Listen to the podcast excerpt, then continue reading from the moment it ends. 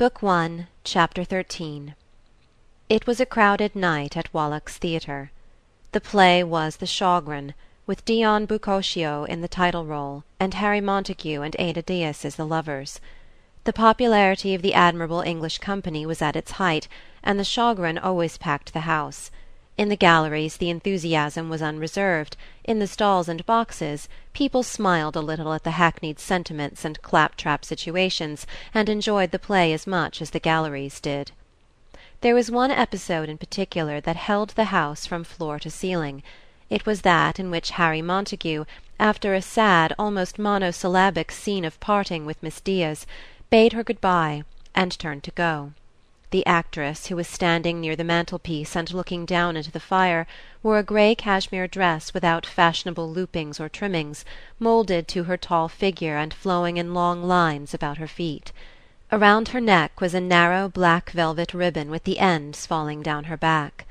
When her wooer turned from her she rested her arms against the mantel shelf and bowed her face in her hands.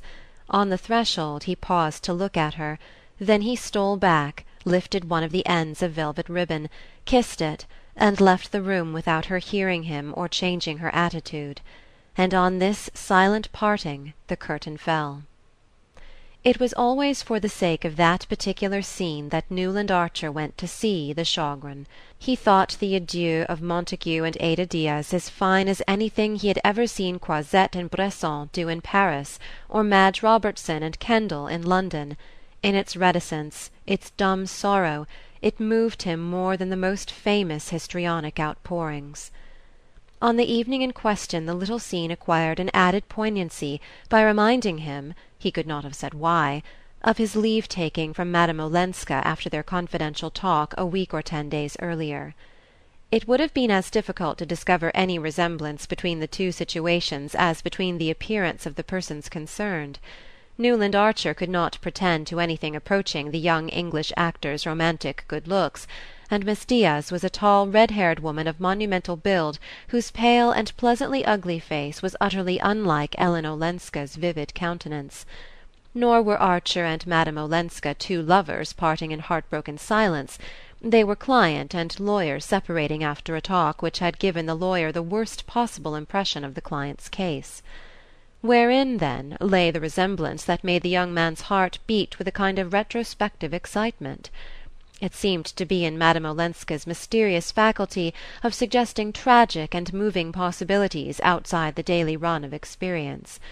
She had hardly ever said a word to him to produce this impression, but it was a part of her, either a projection of her mysterious and outlandish background, or of something inherently dramatic, passionate and unusual in herself.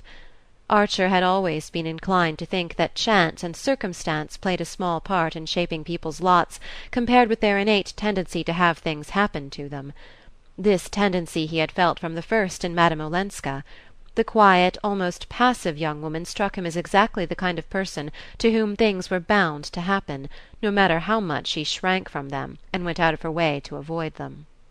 The exciting fact was her having lived in an atmosphere so thick with drama that her own tendency to provoke it had apparently passed unperceived. It was precisely the odd absence of surprise in her that gave him the sense of her having been plucked out of a very maelstrom; the things she took for granted gave the measure of those she had rebelled against. Archer had left her with the conviction that Count Olenski's accusation was not unfounded. The mysterious person who figured in his wife's past as the secretary had probably not been unrewarded for his share in her escape. The conditions from which she had fled were intolerable, past speaking of, past believing. She was young, she was frightened, she was desperate. What more natural than that she should be grateful to her rescuer? The pity was that her gratitude put her, in the law's eyes and the world's, on a par with her abominable husband. Archer had made her understand this as he was bound to do; he had also made her understand that simple hearted kindly New York, on whose larger charity she had apparently counted, was precisely the place where she could least hope for indulgence. To have to make this fact plain to her, and to witness her resigned acceptance of it, had been intolerably painful to him. He felt himself drawn to her by obscure feelings of jealousy and pity, as if her dumbly confessed error had put her at his mercy, humbling yet endearing her. He was glad it was to him she had revealed her secret, rather than to the cold scrutiny of Mr. Letterblair or the embarrassed gaze of her family. He immediately took it upon himself to assure them both that she had given up her idea of seeking a divorce, basing her decision on the fact that she had understood the uselessness of the proceeding, and with infinite relief they had all turned their eyes from the unpleasantness she had spared them. "I was sure Newland would manage it," Mrs. Welland had said proudly of her future son in law, and old Mrs. Mingott, who had summoned him for a confidential interview, had congratulated him on his cleverness, and added impatiently: "Silly goose! I told her myself what nonsense it was wanting to pass herself off as Ellen Mingott and an old maid when she has the good luck to be a married woman and a countess!" These incidents had made the memory of his last talk with Madame Olenska so vivid to the young man that as the curtain fell on the parting of the two actors his eyes filled with tears, and he stood up to leave the theatre. In doing so he turned to the side of the house behind him, and saw the lady of whom he was thinking seated in a box with the Beauforts, Lawrence Lefferts and one or two other men. He had not spoken with her alone since their evening together, and he had tried to avoid being with her in company; but now their eyes met and as Mrs. Beaufort recognized him at the same time and made her languid little gesture of invitation it was impossible not to go into the box. Beaufort and Lefferts made way for him, and after a few words with Mrs. Beaufort, who always preferred to look beautiful and not have to talk, Archer seated himself behind Madame Olenska. There was no one else in the box but Mr. Sillerton Jackson, who was telling Mrs. Beaufort in a confidential undertone about Mrs. Lemuel Struthers's last Sunday reception where some people reported that there had been dancing. Under cover of this circumstantial narrative, to which Mrs. Beaufort listened with her perfect smile, and her head at just the right angle to be seen in profile from the stalls, Madame Olenska turned and spoke in a low voice. "Do you think," she asked, glancing towards the stage, "he will send her a bunch of yellow roses to morrow morning?" Archer reddened, and his heart gave a leap of surprise.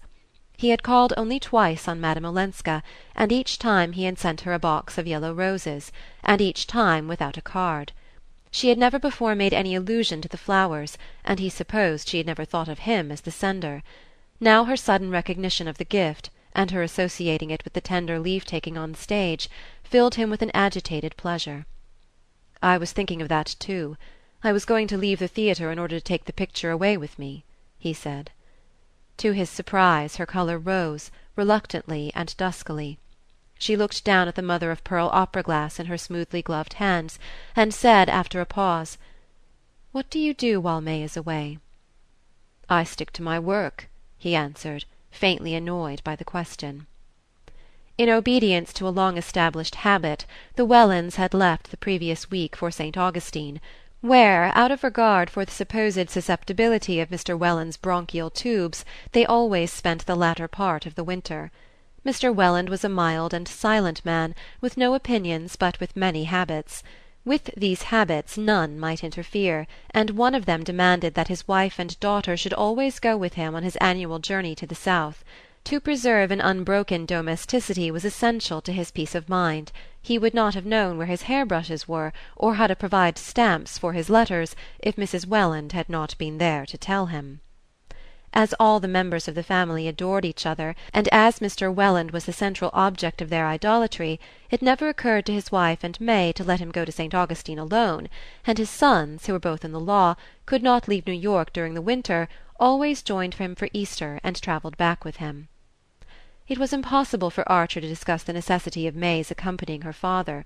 The reputation of the Mingotts' family physician was largely based on the attack of pneumonia which Mr. Welland had never had, and his insistence on St. Augustine was therefore inflexible. Originally it had been intended that May's engagement should not be announced till her return from Florida, and the fact that it had been made known sooner could not be expected to alter Mr. Welland's plans.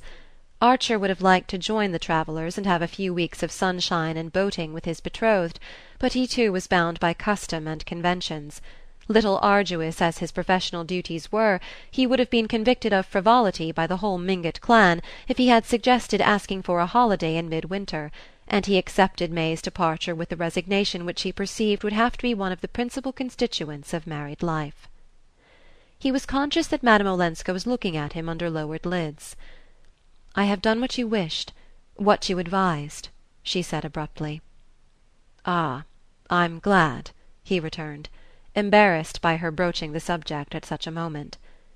"I understand that you are right," she went on a little breathlessly. "But sometimes life is difficult perplexing." "I know." "And I wanted to tell you that I do feel you were right, and that I'm grateful to you she ended, lifting her opera glass quickly to her eyes as the door of the box opened and Beaufort's resonant voice broke in on them. Archer stood up and left the box and the theatre. Only the day before he had received a letter from May Welland in which, with characteristic candour, she had asked him to be kind to Ellen in their absence. "She likes you and admires you so much, and you know, though she doesn't show it, she's still very lonely and unhappy. I don't think granny understands her, or Uncle Lovell Mingott either; they really think she's much worldlier and fonder of society than she is. And I can see that New York must seem dull to her, though the family won't admit it. I think she's been used to lots of things we haven't got wonderful music, and picture shows, and celebrities, artists and authors and all the clever people you admire. Granny can't understand her wanting anything but lots of dinners and clothes but I can see that you're almost the only person in New York who can talk to her about what she really cares for." His wise May! How he had loved her for that letter! But he had not meant to act on it. He was too busy to begin with, and he did not care, as an engaged man, to play too conspicuously the part of Madame Olenska's champion. He had an idea that she knew how to take care of herself a good deal better than the ingenuous May imagined. She had Beaufort at her feet, Mr. van der Luyden hovering about her like a protecting deity, and any number of candidates, Lawrence Lefferts among them, waiting their opportunity in the middle distance; yet he never saw her or exchanged a word with her without feeling that, after all, May's ingenuousness almost amounted to a gift of divination. Ellen Olenska was lonely, and she was unhappy.